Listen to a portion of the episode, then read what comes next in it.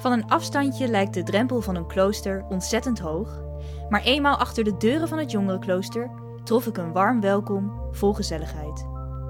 Wanneer je er lang genoeg blijft, vind je een hartstochtelijke zoektocht naar God. Twee jaar lang was het jongerenklooster mijn thuis.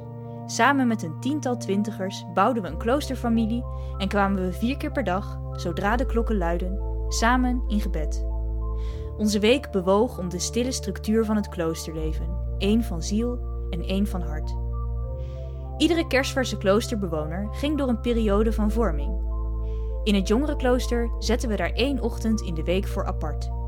Dan groeven we, met monnik of non, naar schatten van kloosterwijsheid en reflecteerden we op de kracht van stilte. Zo kwamen we tot de onwaarschijnlijke ontdekking dat het kloosterleven juist voor twintigers toegevoegde waarde heeft. Ik ben Mirjam en samen met Tim nodig ik je uit om één uur in de week apart te zetten om dwars door de wondere wereld van kloosters op zoek te gaan naar God.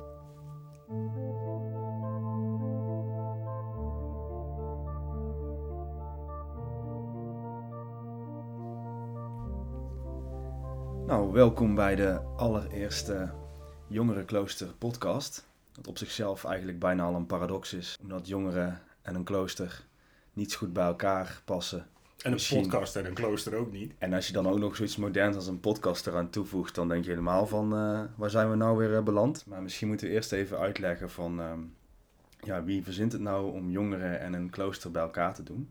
En laten we eerst even uitleggen wie de stemmen zijn die je hoort. Oh ja, misschien moeten we daar even mee beginnen. Hallo, ik ben, eh, ik ben Mirjam. Ik word ook wel eh, door de klooster mensen om mij heen zuster Henk genoemd.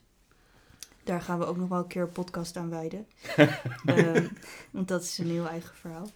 Ja, en ik, eh, eh, ik zit hier met, eh, met Tim en Catharinus, ook van het Jongerenklooster. En eh, ik heb met hen allebei twee jaar in het Jongerenklooster in Diepeveen, vlakbij Deventer, gewoond.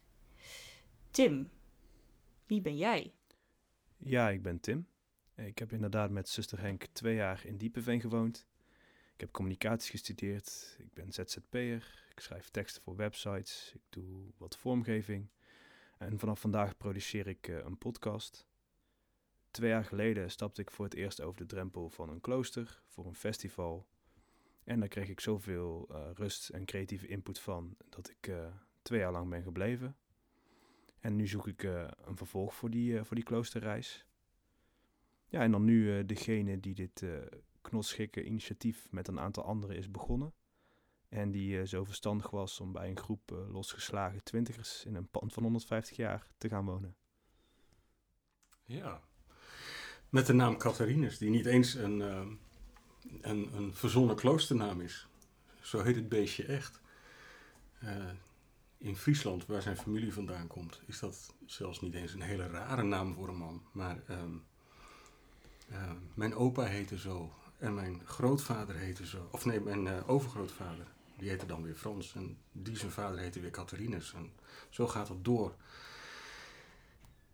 Ik ben mijn hele leven Rien genoemd. Maar toen begonnen we met het jongerenklooster. En toen zat er in een team van drie mannen nog een Rien. En toen liepen er op het klooster nog twee Rienen rond. En toen dacht ik, ja, verdorie. Dan ook maar weer mijn echte naam. Dat is alleen al praktisch. Ehm,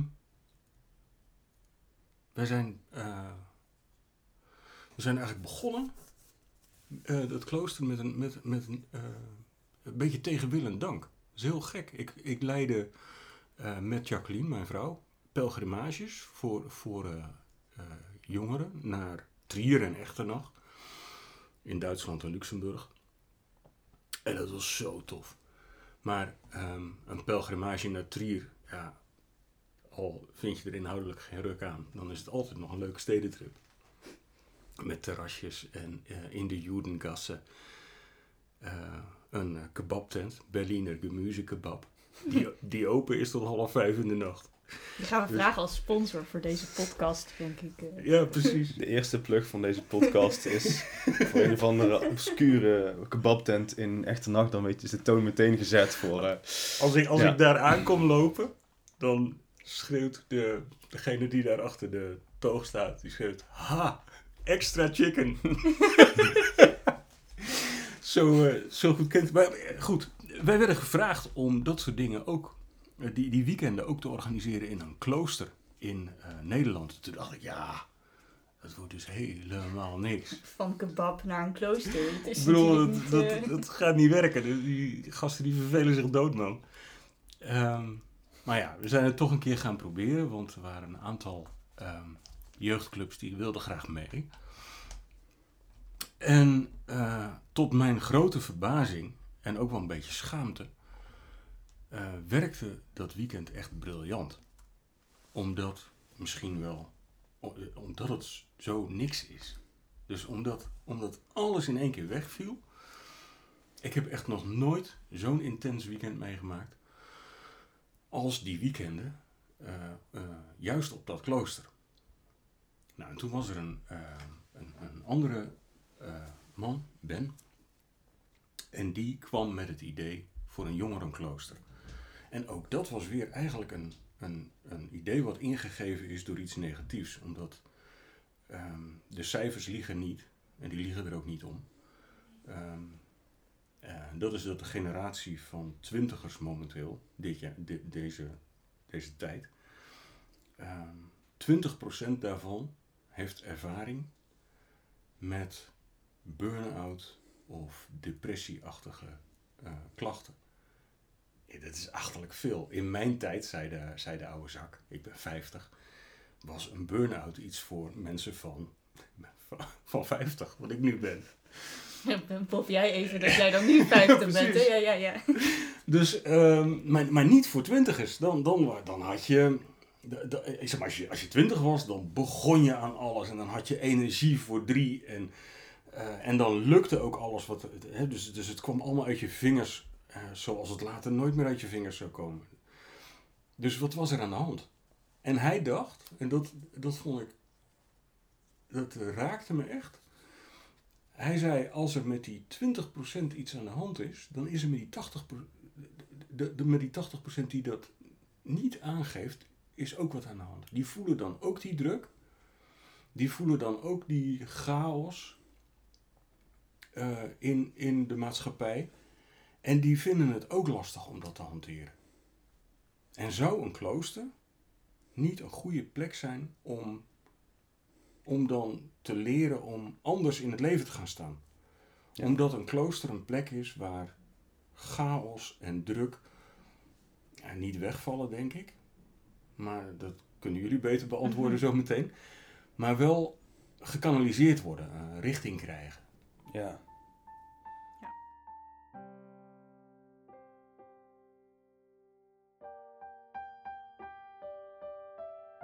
Ben uh, Lamoré eh, was dat, een van de initiatiefnemers. Volgens mij ging het verhaal zo dat hij op het rettencentrum De Speel, waar hij bij betrokken was, de leeftijd heel drastisch omlaag zien gaan.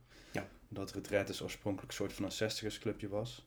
Dat het nu ineens volgeboekt werd door allerlei twintigers die daar stilte kwamen zoeken of zo. En dat, het klinkt heel van, huh, maar het is dus eigenlijk echt een soort van bottom-up, een soort van wortelsbeweging van twintigers Ja. met heel veel stress. En die vinden dat ze alles, eh, alles moeten doen en alles moet goed. Alles moet het beste en het mooiste zijn. En eh, je moet en eh, een tof sociaal leven hebben en je moet een goede carrière hebben en een vijfjarenplan. En nou, noem het maar op. Ehm, en ja, dat, nou ja, uiteindelijk kom- kwamen er dus een hele hoop mensen met burn-out klachten. eh, komen dan op, op plekken als retrettencentra en kloosters en zo.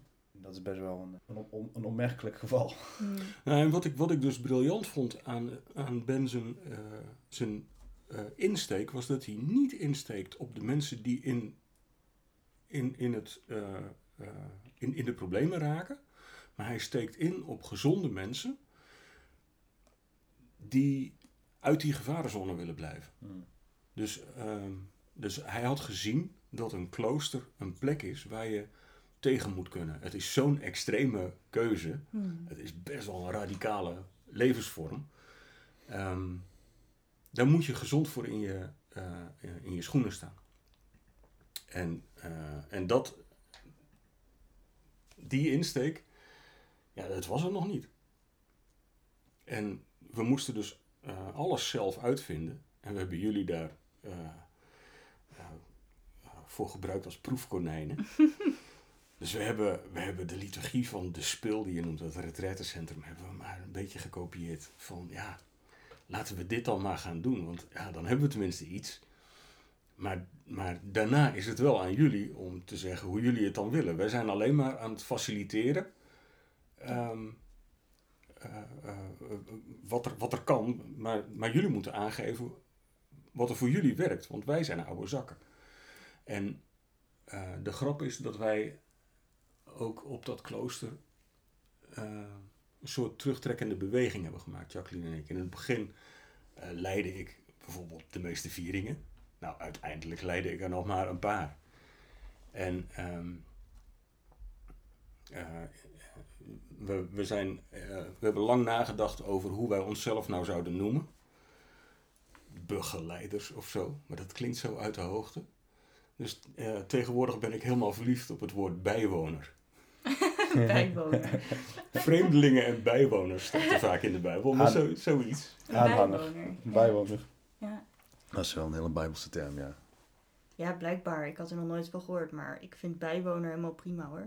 Ja, begeleiders klinkt wel een beetje alsof we dan een instelling waren. Hè? Want dat, Nou, Zo, nou, toen ik in het, eh, in het klooster ging wonen, als dus eh, een van de eerste zes bewoners, waren we met zes toen we daar introkken? vijf. vijf. Vijf, maar vrij snel al met zes. Ik kwam een maandje later. Ah, nee, ik- ja, nee, ik tel nee jou wacht, ik als was nummer 7. Dus Jij was nummer zeven, ja. ja. Nou ja, in elk geval... Marion kwam twee weken later. en Ja, dat was nummer later. 6 en Ja. jij was nummer 7 en ik was nummer 1. Als ik even zo vrij mag zijn om... eh, om- ik zit in deze podcast, dus ik eh, mag mezelf In alle uitroepen. eerlijkheid, Marielle was de eerste die er woonde. Ja, maar ik denk dat ik van de hele club wel de eerste was die überhaupt ooit op Sion heeft geslapen. Want dat was... Oké. Ik ben dus met een van jouw jongere weekenden mee geweest, Yes. Katrines. Ja. In 2017 al, dus dat was een jaar voordat het jongerenklooster überhaupt van start ging. Zo, en nou jij weer. ja, nou jij weer Tim. Oké, ik, ben, eh, ik ben nummer 7 die er kwam wonen. Dus, eh, nou, dat is het, eh, Bijbel is ook heel bekend, het getal van de volheid. Dus met mij was het ook echt een ding, zeg maar. eh. Oh, Goed. ja. Ja, ik Nee, ik sorry, moet- ik dit moet haalt hier niet, even... als, haalt als, je krekels, als je krekels kon horen. In een klooster, lieve broeder Tim, in een klooster ja, zit je altijd komt, in de koorbanken op volgorde van intreden. Ja, En dat betekent dat zuster Henk altijd op die eerste plek zal zitten. Hartstikke idee. Hm. Zo, Zo. nou. ik zal altijd op de zevende plek zitten. Ik ben daar best wel tevreden mee. En ik zal altijd een bijwoner zijn. Ja, jij bent altijd een bijwoner. En ja, nee, het... eh, Een soort ja. wormvormig aanhangsel. Oké, stop. Wat maar wilde je dus- zeggen? ja, ik, nou, ik wou dus even vertellen hoe ik daar dus in beland ben. En ik zat dus net te bedenken dat dat dus al in 2017 was. Tijdens een van die eerste jongerenweekenden. En dat ik daar ook maar een beetje zo eh, bij aangehaakt ben toen. Eh, want ik woonde toen helemaal niet daar in de buurt of zo. Ik woonde in Groningen. Ik kom overigens wel uit Deventer. Kun je ook horen aan mijn, eh, mijn accent. Want dat heb ik dus niet. Ehm, eh, In maar tegenstelling ik- tot... ja, in tegenstelling tot. Ik studeerde in Groningen. En ik had daar eh, twee studies. Ik studeerde aan de universiteit. Ik deed filosofie.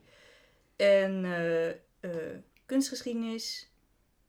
En daarnaast had ik ook nog een baan en nog een baan. Want ja, ja, je studie kost geld.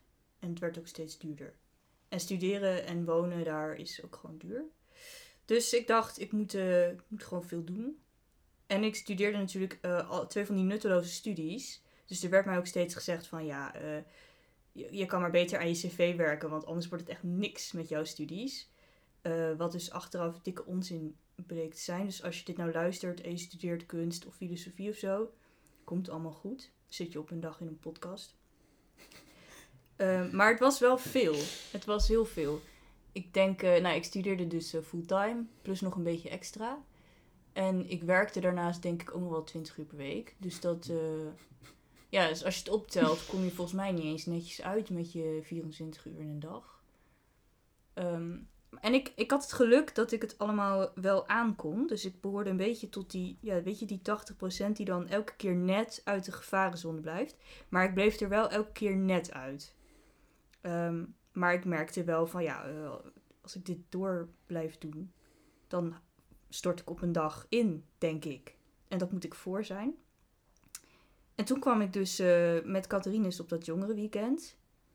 En ik weet nog dat ik, eh, ja, ik bedoel, ik kom uit Deventer, dus ik dacht, nou, dat klooster, dat ken ik. Maar ik was er dus nog nooit geweest. Ik had alleen het bordje aan de kant van de weg zien staan. Ehm, met Abdij Sion erop. En ik dacht, ah, tof man, dat is zo'n ruïne uit de middeleeuwen of zo. Eh, er staat vast niks meer. Maar er bleek dus gewoon een klooster te staan. En ja, ik ging daar naar binnen.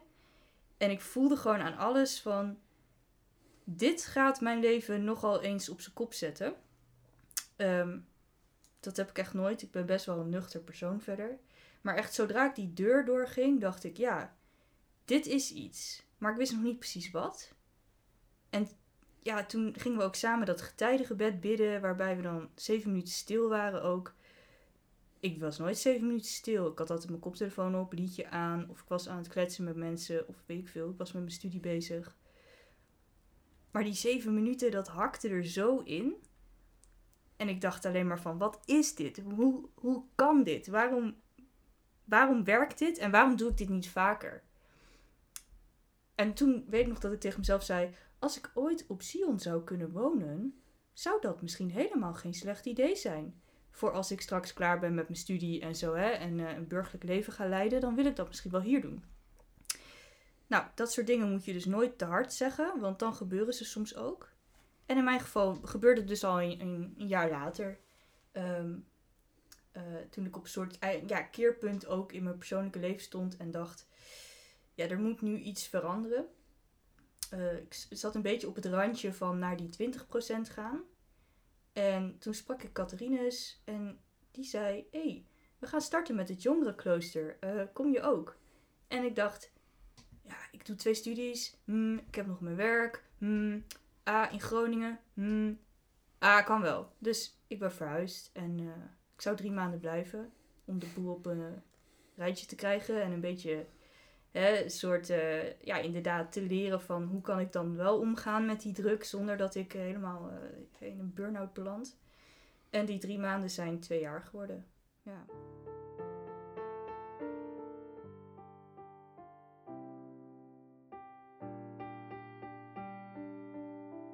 Hey, zuster Henk, ik hoor, jou, ik hoor jou iets zeggen wat Tim net ook al gezegd heeft. Dat is de, die, um, toen ik daar de drempel overstapte, Hmm. Je, dat zei jij ook tussen neus en lippen door.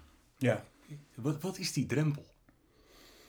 Um, ja, kan je misschien beter dan jou Nou, vragen. het is dus uh, een trap en er zit een hele grote houten deur aan de bovenkant. maar wat het vooral ook is, het is een... Um... Nou, ik... Kijk, die drempel was voor mij heel erg... Ja, je gaat die trap op, je gaat die deur door en uh, dan zit er een, een, een gangetje en daarna heb je de kerk. Dus het is niet dat je de deur doorgaat en je komt dan pats boem in de kerk of zo. Hè? Uh, dus je gaat eerst een soort sluis door. Dan wordt het stil om je heen. En dan pas stap je die imposante kerk, die kloosterkerk, binnen. Ja, en ik denk, um, als je die kerk ingaat en je wordt daar stil, dan, dan gebeurt er dus van alles in je kop. Maar ik had het heel erg nodig om dus eerst zo'n sluis door te gaan.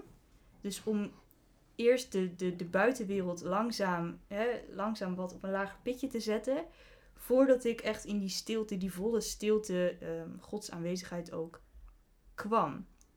Um, dus ik moest heel erg een, een, een, drempel over en ook een stukje sluis door om dus helemaal te komen, uh, tot die rust te komen. Want je komt niet zomaar uh, van het een op het andere moment in die rust. Heel veel mensen denken van, oh, en dan ga je naar klooster en dan ga je er zitten en dan komt alles goed. Maar dat is dus niet zo. Je moet echt wel een fikse drempel over en ook nog best wel lang wennen voordat je in het kloosterritme komt en voordat je daar ook de vruchten van kan gaan plukken. Klinkt ongeveer hetzelfde als dat je quality time afspreekt om dinsdagavond kwart over acht of zo. Dat werkt ook ja, niet. dat, dat werkt niet. Het, het is... Um... Nou, je, Jij zegt het altijd zo mooi, broeder. Jij zegt, uh, je moet eerst even landen. Ja. En um, in elke andere context had ik dat uh, wanhopig, ja, pretentieus gevonden om te zeggen, je moet eerst even landen van ga gewoon even aan het werk. Doe niet eerst, ga niet eerst twee weken landen, ga het gewoon even je ding doen. Maar ik, ik begrijp het uh, in het klooster echt heel erg, want je moet, je moet echt in dat kloosterritme komen. En wij bidden dan vier keer met, per dag met elkaar daar. En daar zaten inderdaad ook zeven minuten stilte bij. Ik heb het al vaker gezegd, maar ik zeg het nog maar even een keer. Een vriend van me had ooit het legendarische quote, ver voor ik het klooster inging, dat God zich niet goedkoop laat vinden. Dat was bij mij altijd wel het geval, want ja, ik wilde best even als, als goede protestant of, of iemand met een levend geloof wel stille tijd doen. Maar ja, dat, dan sta je toch net iets te laat op en dan ben je toch moe en dan is het even lees, lees, lees, lees Bijbel en door met een boterham in de hand en dan ga je maar door. En nou ja, dat vond ik al heel wat als ik dat gedaan had, s ochtends, want dan had ik in ieder geval nog iets gedaan. Uh, maar ja je, ja, ja, je moet de huur betalen. Hè? Dus ik had geen twee studies meer toen ik in Sion kwam, maar wel een soort van 40 uur in de week werken en een eigen bedrijf onderhouden. wat ook nog tussen de 10 en 20 uur in de avonduren en in de weekenden neerkwam. Daarnaast had ik mijn huisgemeente, mijn, mijn kerk. Ik kom uit, uit Valkenswaard, uit het beloofde land. Um, Tim en, is zo'n argeloze Brabander die denkt dat Adam en Eva Brabants praten? Nou, ik denk wel gewoon zeg maar dat, dat het land van melk en honing en Brabant hebben wel zeg maar hele grote gelijkenissen zeg maar. Neither Seymour. Dus uh, ja, het is echt als je ergens anders in, in Nederland woont dan ben je het echt aan jezelf verschuldigd om een keer... Uh... Tim, alsjeblieft verder over het klooster, want anders dan vullen we de rest van de podcast. Met Brabant. En bovendien ja. weet iedereen dat Adam en Eva Urkers spraken. Want daar kom ik vandaan. Alsjeblieft. Nou goed, um, waar waren we ook alweer? Over het klooster. Ja, niet over Brabant praten. Um, van kebab naar klooster, zei je net. Um, ja, die drempel, dat, dat drempelgevoel. De drempel. Ja, nee, uh, dus ik, ik kwam daar helemaal niet met een soort van verheven idee. Ik kwam daar eerder van, uh, nou, hè, uh, ik weet niet wat hier allemaal is, maar er is een festival. Nou, ja, het was gewoon een christelijk festival en ik was gewoon, ik had net New Wine bezocht voor het eerst. En ik dacht, oh, dit is echt tof, hier kom ik echt even dichter bij God. Dus ik zocht eigenlijk nog een soort van uitstapje. En toen kwam simpelweg het Kloosterfestival in mijn True Tickets uh, mail, waar ik niet wist waar ik me voor aangemeld had. Maar ik dacht, nou, ik wou nog ergens heen, waarom niet hier? Um, en uh, ja, toen kwam ik een beetje, um, ja, onwetend, of ja, gewoon een beetje argeloos over die, die drempel heen. En ik dacht, ja, oké, nou, we gaan nu eenmaal naar het getijdige bed. Oké, ik ga wel mee. Dus, dus het, lijkt me dat hier best wel prima uh, hè, uh, meer christenen bij zitten of protestants georiënteerde mensen. Nou, ik zal eens kijken wat het is. En ja, dan heb je een soort van hele, hele vaste liturgie. Nou, als er iets is waar, ik, waar mijn vader onder andere, wat, ik, wat ik met de paplepel heb ingegoten, wat slecht is. Want dan, dan zit je de werking van de Heilige Geest in de weg. Dus ik dacht, nou, we hebben heel strikt stramien, oké. Oké, nou, en dan gaan we in de koorbanken zitten en dan kom je in een of andere knet als katholieke kerk. Um, die jij, waar jij herhaaldelijk van zegt, broeder Katrien, is dat die sober is ingedeeld. Nou, ik vond het een versiering van hier tot morgen vroeg. dus uh, ik dacht, nou ja... Je dan, hebt toch niets gezien? en, en, ik dacht echt van, ja, oké, okay, wauw. en... Um, ja, dan hebben ze allemaal van die rare gebruiken. En dan gaan ze heel monotoon psalmen zingen. Waarvan ik denk van, wat is het nou voor muziek van Lik mijn vestje? Kunnen we hier geen bandje neerzetten?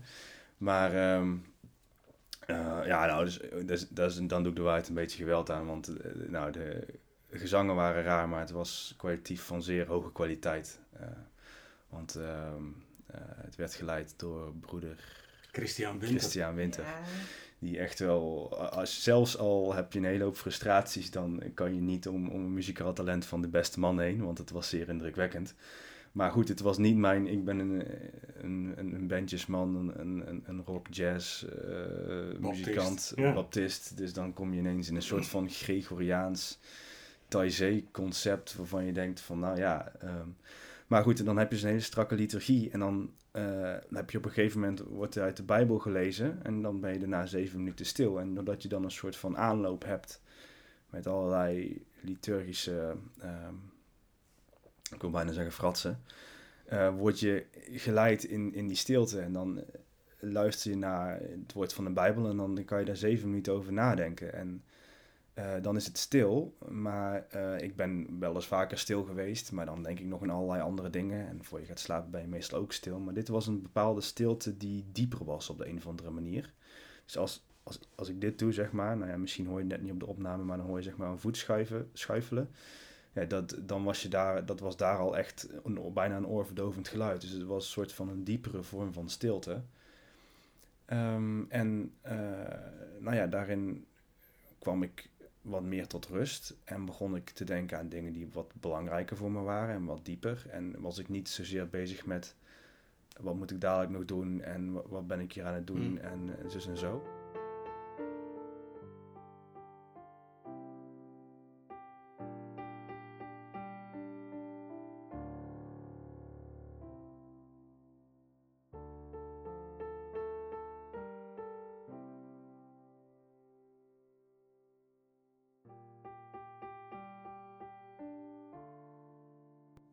Henk, wat, is- wat is dat in die liturgie wat dat doet?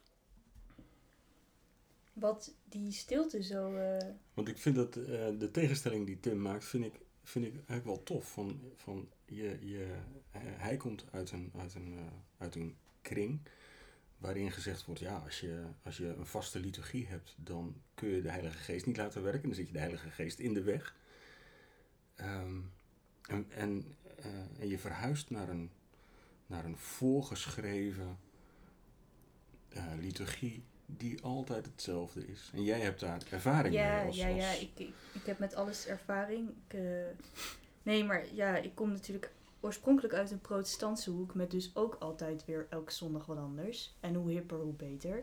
En ik ben later dus heel bewust overgestapt naar een kerk met een ja, hele vaste liturgie. Met inderdaad hele monotone psalmen. En eh, hè, vooral geen band. En doe maar elke week het orgel. Dus nu Ja. ben je oud-katholiek. Nu ben ik oud-katholiek, ja. ehm, ja, als er nog andere oud-katholieken luisteren, eh, ja hoi. Dit is dus een van die, eh, die 3000 of zo die er momenteel nog in Nederland zijn. En ik heb laatst berekend dat er ongeveer eh 2% onder de, onder de 25 is. Waaronder ik dus. Maar ik merkte daar dat die, die, ehm, ja, die, die vaste liturgie ehm, helpt mij in elk geval heel erg om dus mijn hoofd een soort van eh, tot rust te brengen. Eh, ik kan er vreselijk slecht tegen als alles elke week weer anders moet en anders. Omdat, weet je, ik geloof heel erg dat. ehm, kijk, God is altijd dezelfde en eh, Gods boodschap voor ons eh, verandert niet. En Gods vrede voor ons verandert ook niet. Dus waarom elke keer zo moeilijk doen om, eh, hè, om elke keer weer wat nieuws te bedenken als God elke keer gewoon er is. En voor mij helpt het dus heel erg om daar tot die rust te komen. Dat ankerpunt dat God dan is. door elke keer diezelfde liturgie daarin te stappen. Om elke keer weer in een traditie te stappen die al honderden jaren hetzelfde is. En die dus elke keer, die dus waar wij ook weer instappen. Dus ehm, het voelt voor mij altijd heel erg als ik in zo'n getijdengebed zit alsof ik meezing met al die monniken, nonnen, religieuze, whatever, eh, van de afgelopen eeuwen die mij voor zijn gegaan in die weg naar rust. En ehm, inderdaad, die, die liturgie bereidt je ook voor op, op zo'n stilte. Dus die, die, hè, dat, die- dat vaste ritme brengt een soort van dat ritme in je kop.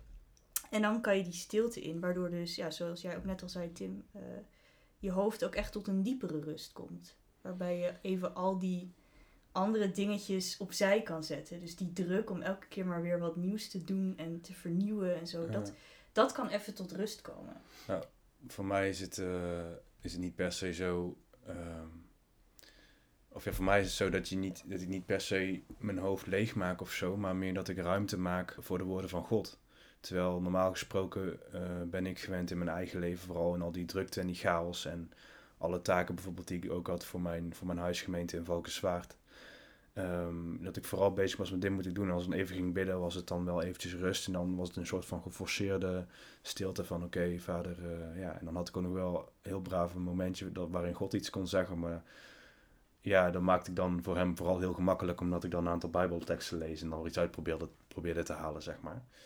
En je, je komt gewoon met een vol hoofd. Dus je moet een hele hoop doen. En je staat op een soort van schakelpunt. Of, Ja. of je gaat een dienst leiden in mijn geval. Of je gaat muziek maken. En je bent toch voor bezig, vooral bezig, puur muzikaal misschien. Van oké, bij dan en dan moet ik aftellen. Dat zo, moet ik zo doen. En Hmm. dat gaat ongeveer zo. Ehm, of, eh, nou ja, je- je zoekt wel echt God op dat moment. En dan vertrouw je er maar op dat God iets gaat doen. Maar echt diepe rust heb je niet. Dus je- je- met die zeven minuten stilte en met een vast stramien schep je gewoon een beetje ruimte om echt, om echt God te zoeken. Eh, ik herken dat heel erg wat je zegt als je over een dienst leiden, zeg maar. Ik ben natuurlijk eh dominee, priester, voorganger, spreker. Oh, oké. Hoe noem je dat? Rustig, priester. Maar, ehm, maar je, ehm, je bent de hele tijd bezig om Gods verhaal te presenteren. Nou, je bent iets aan het faciliteren. Ja, en de grap is dat degene die bij ons voorgaat in de, in de viering, eh, die zit ergens net zo, net zo op de grond als jij, eh, in een hoekje. Die is eigenlijk totaal niet belangrijk en je kunt je volstrekt laten meenemen. Je, kunt, je, bent, eh, je zit echt in een luisterhouding als je, als je in, in, die, in die kloostervieringen zit. En ehm, eigenlijk is de gemeenschap met wie je het doet, ja, die is wel belangrijk. Maar, maar wat je daar doet, gewoon dat je, dat je je voegt met z'n allen naar die orde die al klaar ligt, dat geeft zo'n rust. Want je hoeft even niet meer zelf. Je kunt daar niet een prestatie leveren.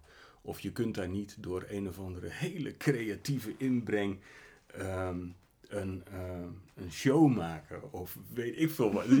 Iets indrukwekkends doen, is daar gewoon niet mogelijk. Ja, je zet je hele ego eigenlijk opzij. Dat is echt heel lekker.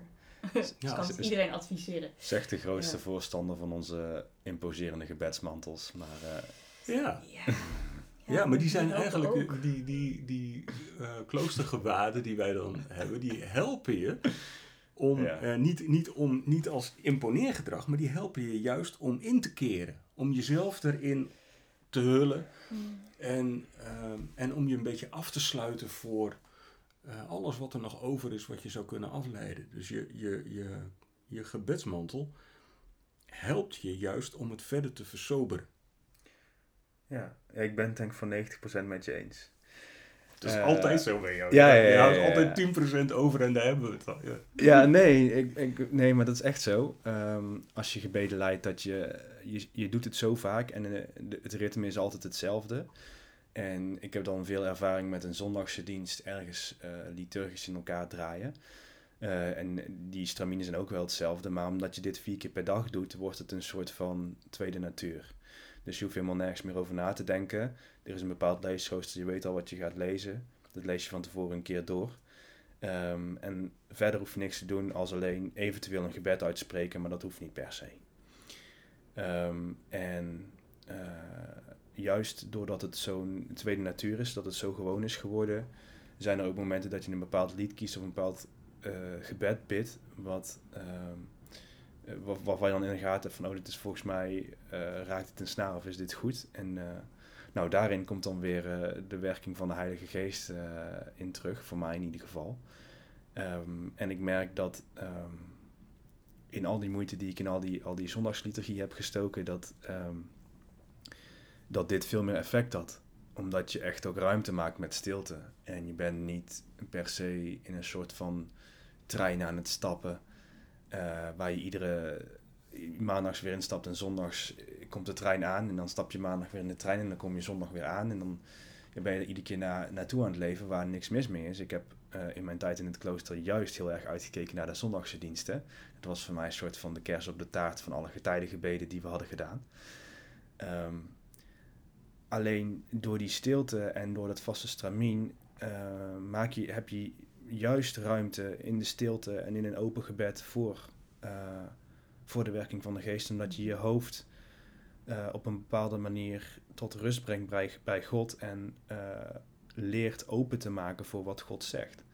Dus ehm, het is niet zozeer dat het, voor mij in ieder geval, dat het je hoofd leegmaken is of je zorgen of zo wegdoen. Dat zijn allemaal dingen die er ook bij kunnen horen en vaak ook wel voor mij er zijn.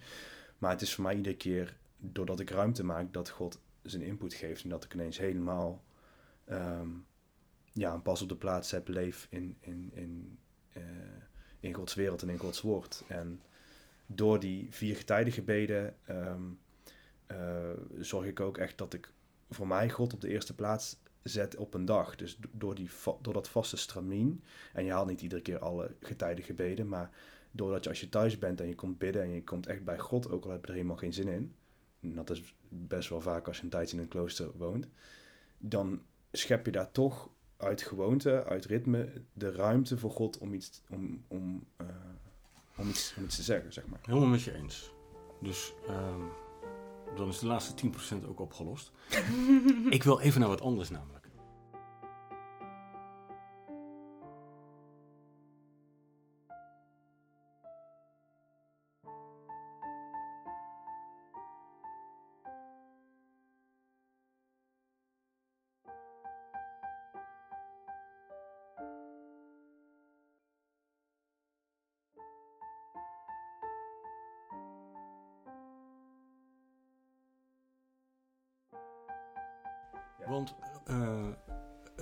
Klooster, en ook het jongerenklooster, staat op twee benen.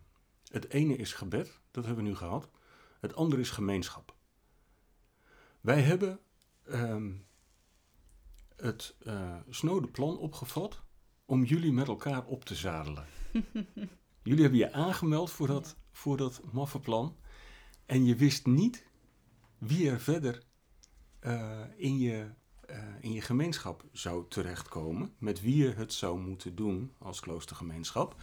En uh, sterker nog, als daar iemand aan toegevoegd werd, kwam die wel even snuffelen aan de plek, even kijken van hé, hey, maar je, uiteindelijk was het niet hospiteren.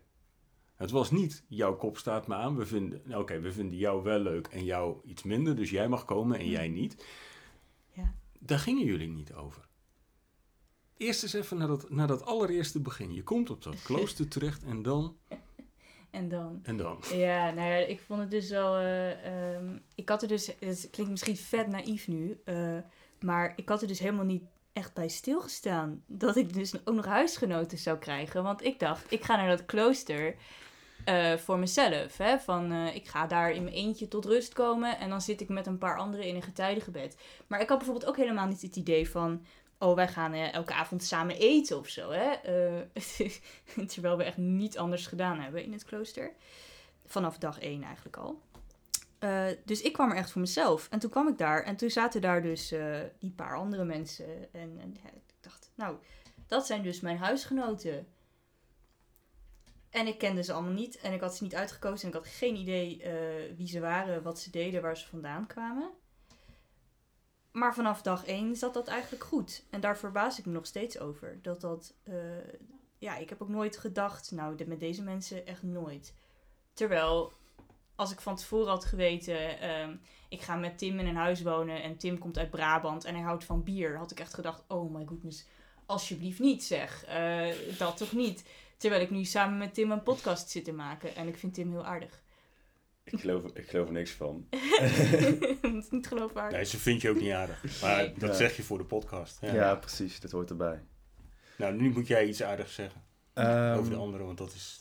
Ja, maar jij, kwam, jij kwam natuurlijk iets later. Jij kwam nadat ja, de gemeenschap ik, ik was op zich, bestond. Uh, toen ik uh, kwam hospiteren, quote-unquote, was ik wel redelijk, nou niet zenuwachtig. Maar het was op een gegeven moment wel tot me doorgedrongen dat ik dit echt heel graag wilde. Dus het ging eerst een periode van Jongerenklooster is echt het sust idee wat ik ooit in mijn leven heb gehoord. Uh, succes ermee, jongens. En nou ja, toen uiteindelijk was het van, ja, die mensen die bidden vier keer per dag met elkaar. Um, nou, dingen vielen daar op een hele bijzondere uh, manier samen. Dus ik, uh, toen ik eenmaal kwam proeflogeren, zoals we dat noemen, toen was ik wel zenuwachtig. Of nou, zenuwachtig is groot woord, maar ik was wel even van, oh, ik, dit is wel echt heel tof. omdat ik al eenmaal in het Kloosterfestival het ritme van de getijdengebeden meegemaakt, kwam ik, ik kwam er continu creatieve nieuwe ideeën uit mijn hoofd kwam ik soort van, kwamen ineens dingen uit mijn vingers terwijl ik er eigenlijk een festival aan het beleven was. Dus ik dacht echt van, wat, wat, wat is dit nou? En toen, uh, ja, ik wil schrijver worden. Oh, zei, uh, zei uh, een verschijning met wildgrijze manen die op het Kloosterfestival een rondje met me lopen. Oh, dan moeten we contact houden, want ik heb al twee, drie boeken gepubliceerd. En ik zou je daar best bij kunnen helpen. Dus ik had echt zoiets van, Wauw.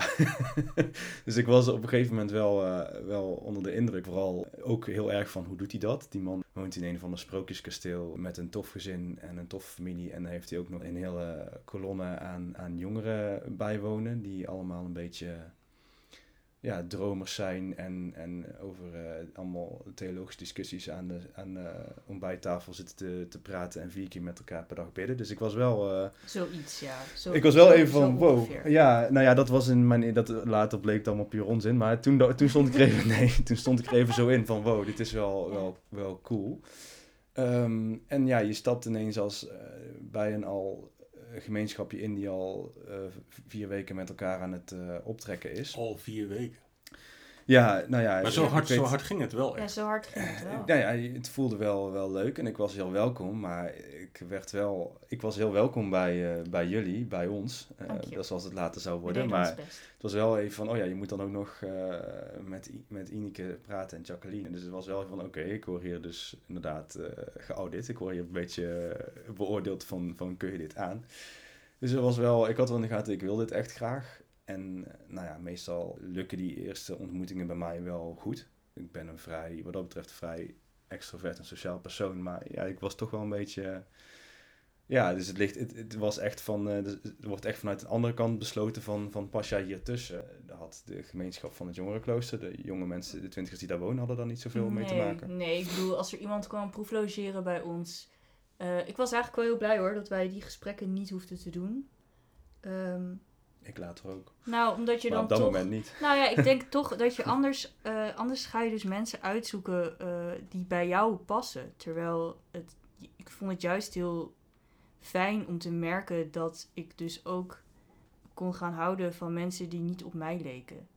Ja, klinkt, maar dat, ik weet niet, ik vond dat ook, ik vond het heel verrijkend ook. Dat, nou, dat er dus mensen om me heen waren die niet op mij leken.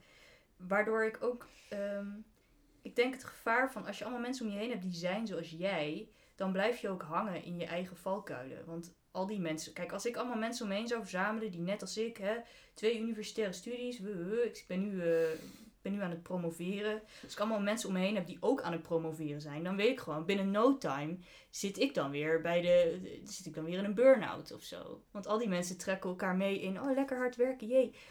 Terwijl ik het fantastisch vond dat er in het klooster mensen waren die ik niet had uitgezocht, die heel iets anders deden dan ik. En die dan af en toe kritisch zeiden van, Hè, wat ga je nou doen? Ga je nou alweer aan het werk? Maar je moet toch zo naar het nachtgebed? Het is al bijna tien uur. dus Kan toch ook wel morgen? Ja, dat vond ik heel tof. En ik denk dat dat dus helemaal was misgegaan als eh, ik die mensen had moeten uitzoeken. En eh, ze allemaal waren komen hospiteren bij mij.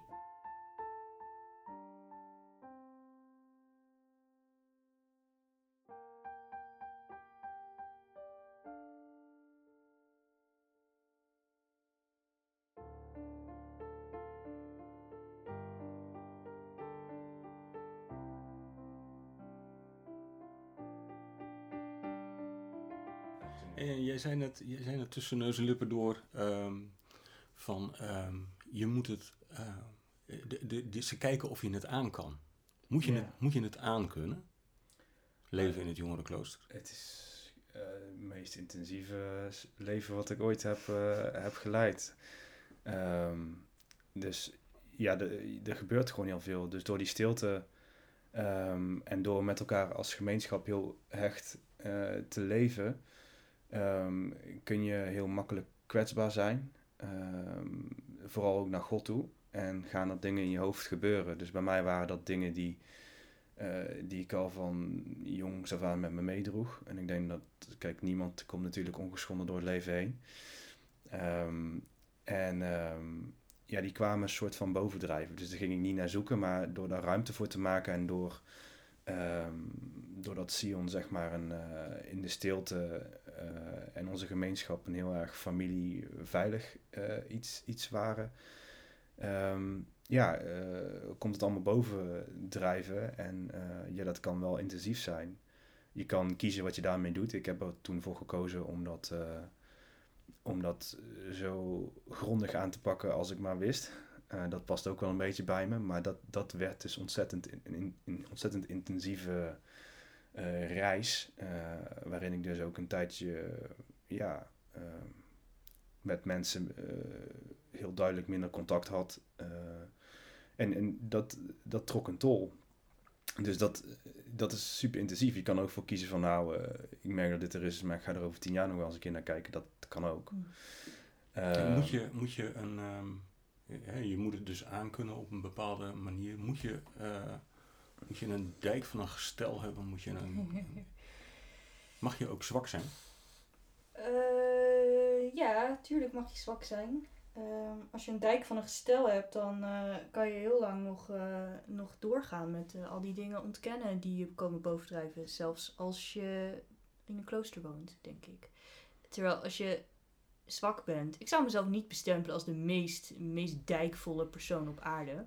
Eh, ik ben onder andere 1,65 meter en 52 kilo, dus dat eh, is sowieso niet echt een dijkje. Ehm, en ik denk dat dat wel een, een voordeel was voor mij. Want ehm, ja, bij mij kwam er ook van alles bovendrijven. En juist op momenten dat je dan dat toelaat en dus even een, eh, een dijkdoorbraak hebt, dan ehm, heb je je gemeenschapsleden om je heen. Heb je je broeders en zusters. En die helpen je om daar doorheen te komen. En om, om dat wat zo vreselijk moeilijk is, om dat als een soort van spiegel zo in your face te duwen.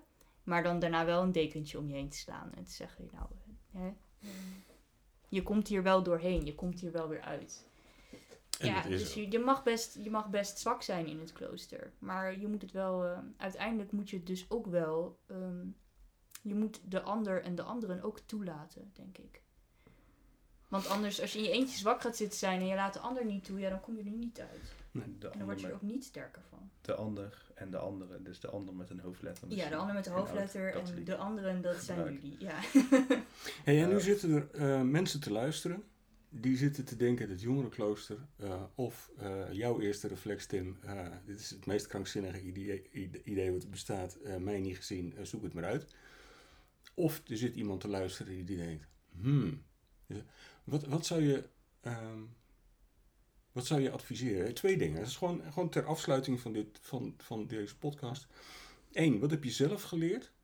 Wat is voor jou de winst van het jongerenklooster geweest? Gewoon in, in, een, in een bijzin. Gewoon even. en, en twee, wat zou je, eh, eh, waarom zou iemand het doen? Eh, nou, ik wil eigenlijk nog heel even terug naar je, naar je vraag over zwakte.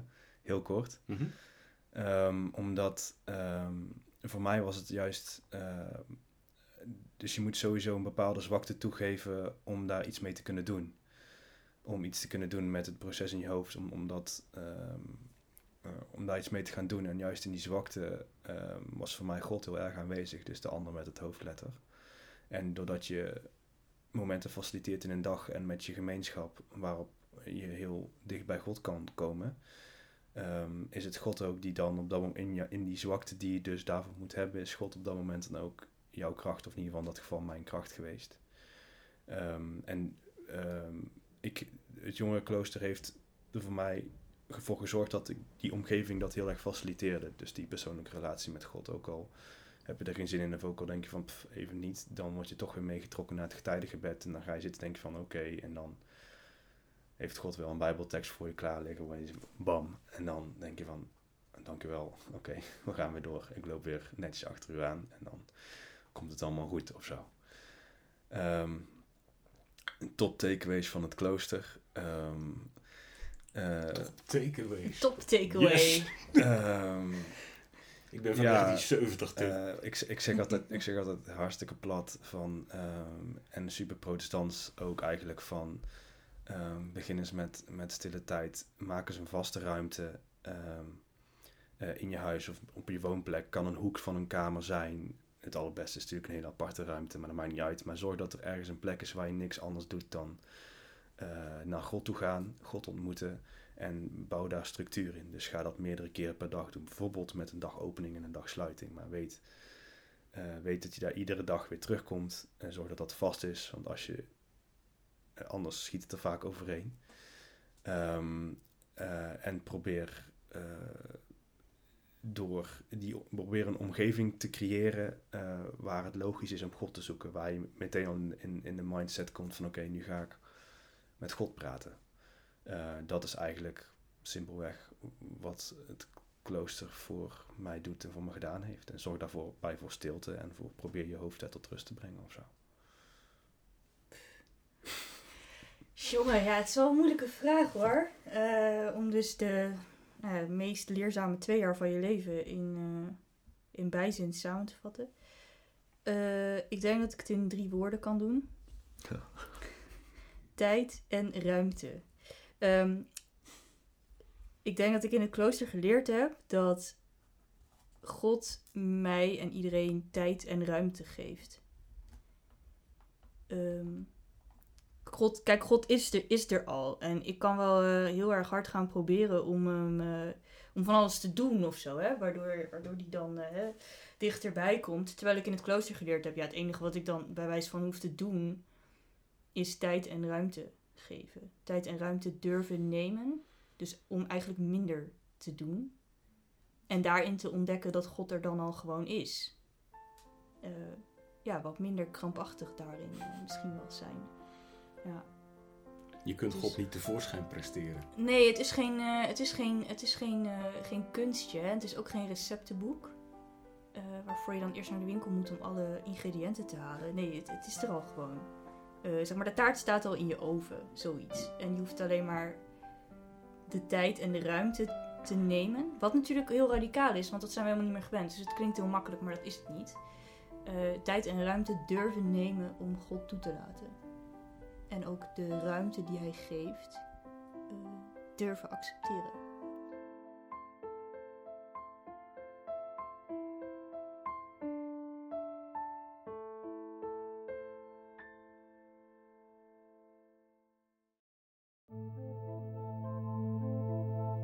Dank voor het luisteren naar de allereerste aflevering van de Jongerenklooster podcast.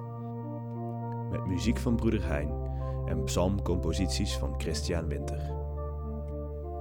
Volgende week gaan we het hebben over rust en stilte. Twee begrippen waar zo'n beetje iedereen naar op zoek lijkt te zijn in deze luidruchtige en rumoerige tijden. We nemen je mee in onze eigen zoektocht van de soms ook turbulente periode van twee jaar jongerenklooster. Graag tot volgende week.